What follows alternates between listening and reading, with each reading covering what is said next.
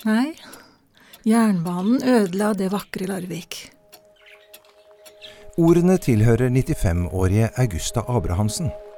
I en samtale med fylkeskonservator Asbjørn Bakken på aldershjemmet der hun bodde på 1950-tallet, fortalte Augusta om byen hun hadde forelsket seg i da hun som ungjente kom flyttende til Larvik.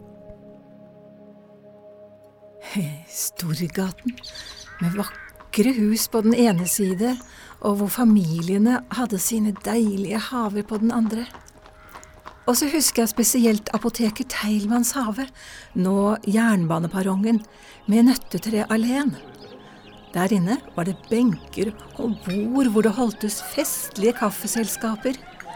Rosene blomstret der inne, rikere enn i de øvrige haver. Hele Storgaten var fylt med velduft. Augusta skrev bøker og fortellinger for både barn og voksne.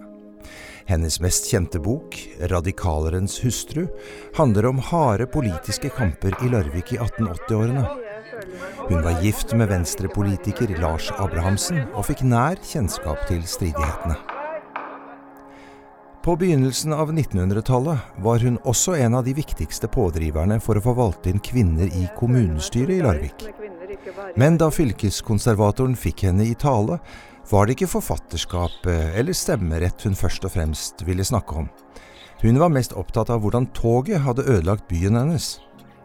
Storgata hadde vært Europas vakreste gate der den lå som en halvmåne om fjorden med de vakre hagene på nedsiden, mente hun. Å drive der, frem og tilbake sommerkveldene, høre den sakte skvulpen fra strand, se ut over havet når den berømte Larviksmåne kastet sølvstrimet derover. Nei, man glemmer det aldri. Intet under at Larvik ble kalt Nordens Neapel.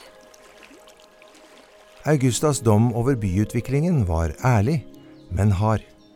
Da jernbanen hugg seg brutalt gjennom byens sentrum. Den fylte luften med skitt og larm. Den laget store og stygge jernbanetomter der hvor havene hadde blomstret og folk hadde koset seg nede ved stranden.